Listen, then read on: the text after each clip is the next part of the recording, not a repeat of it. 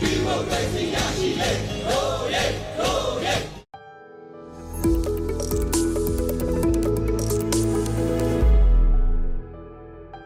မင်္ဂလာပါရှင်ဒီနေ့တင်ဆက်ပေးချင်တာကတော့ password strength နဲ့ 2FA two factor authentication တို့အကြောင်းဖြစ်ပါတယ်ရှင်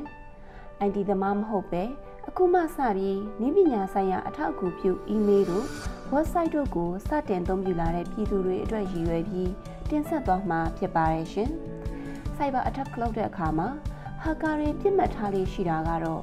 email ဖြစ်ပါတယ်။ဒါကြောင့် email အသုံးပြုသူတွေဟာအဆက်ဆက်အရာရာကိုသတိထားဖို့လိုအပ်တယ်လို့ Cyber Security Awareness လည်းရှိရမှာဖြစ်ပါတယ်။ပထမဦးစွာ password strength နဲ့ပတ်သက်ပြီးအလွယ်ကူဆုံးနဲ့အခြေခံအကျဆုံးဖြစ်တဲ့ password ပေးနည်းတွေကိုရှင်းလင်းတင်ဆက်သွားမှာဖြစ်ပါတယ်ရှင်။နံပါတ်1အနေနဲ့ password ပေးတဲ့နေရာမှာ PASSWORD password သို့မဟုတ် TEST test သို့မဟုတ်1234သို့မဟုတ် ABCDEFG စသဖြင့်အင်မတန်လွယ်ကူပြီးစမ်းသပ်ကြည့်နိုင်တဲ့ password မျိုးကိုမပေးသင့်ပါဘူး။နံပါတ်2အနေနဲ့ user name မှာလည်း THUZER သူစား password မှာလည်း THUZER သူစား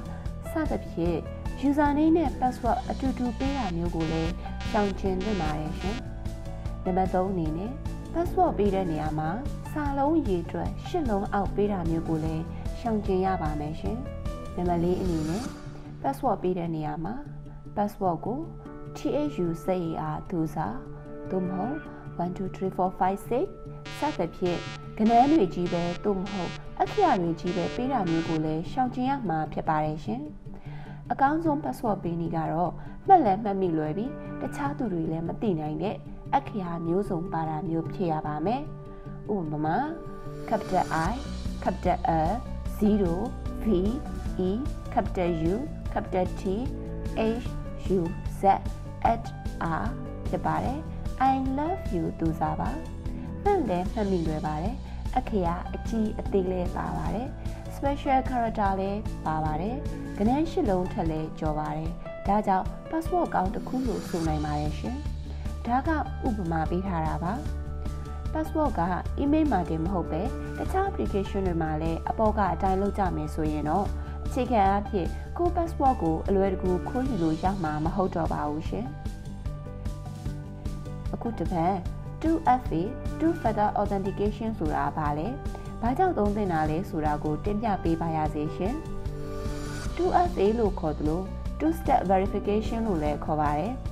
ဘယ်သူတွေသုံးသင့်တယ်လဲဆိုရင်တော့ကိုယ့် data အချက်အလက်ကို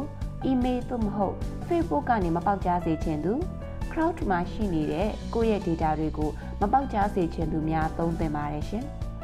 ဒီလို 2FA ခံထားတဲ့ email Facebook account တွေဟာ security ကောင်းတဲ့အတွက် hacker တွေအလွယ်တကူမရယူနိုင်ပါဘူး။ single factor authentication ကတော့ရှေ့မှာပြောခဲ့သလို password passcode ခံထားတာကိုဆိုလိုခြင်းဖြစ်ပါတယ်။ password ခံထားရင်တော်ရုံလူတိုင်းကတော့ဝင်ကြည့်နိုင်မှာမဟုတ်ပါဘူး။ဒါပေမဲ့ကိုက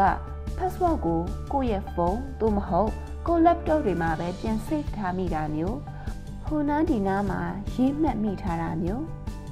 ကို passport ကိုကိုယ်တိုင်မသိပဲပေးလိုက်မိတာမျိုးတွေရှိရင်အကောင့်ကလုံခြုံမှုရှိတော့မှာမဟုတ်ပါဘူး။ဒါကြောင့်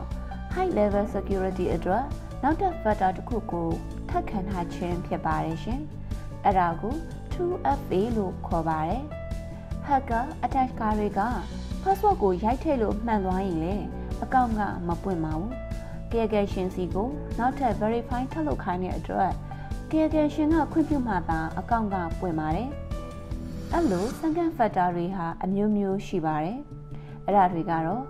phone message ကနေ security token ပို့ပြီး verify လုပ်ခိုင်းခြင်း Google Authenticator လို့နောက်ထပ် passcode တစ်ခုရိုက်ထဲမှာအကောင့်ဖွင့်ပေးခြင်း biometric factor တွေဖြစ်တဲ့ Google ရှင်ရဲ့ fingerprint, Google ရှင်ရဲ့ facial scan စတာတွေကိုတိုက်ဆိုင်စစ်ဆေးခြင်းတို့ဖြစ်ပါတယ်ရှင်။ မိမိနှစ်သက်တဲ့စံကန်ဖက်တာကိုရွေးချယ်နိုင်ပါတယ်ရှင်။နောက်ထပ်ဖက်တာတစ်ခုကိုခံထားတာကြောင့် password ကို hacker ကသိသွားတော့လေကိုအကောင့်ကိုဖွင့်လို့ရမှာမဟုတ်ပါဘူးရှင်။ဒီနေ့တင်ဆက်ပေးသွားတဲ့ password strength အကြောင်းနဲ့ two factor authentication အကြောင်းကိုသိရှိနာလဲပြီးလုံခြုံစိတ်ချရတဲ့အကောင့်များကိုပိုင်ဆိုင်ကြပါစေလို့ဆုတောင်းမေတ္တာပို့သလိုက်ရပါတယ်ရှင်။ကျေးဇူးတင်ပါတယ်ရှင်။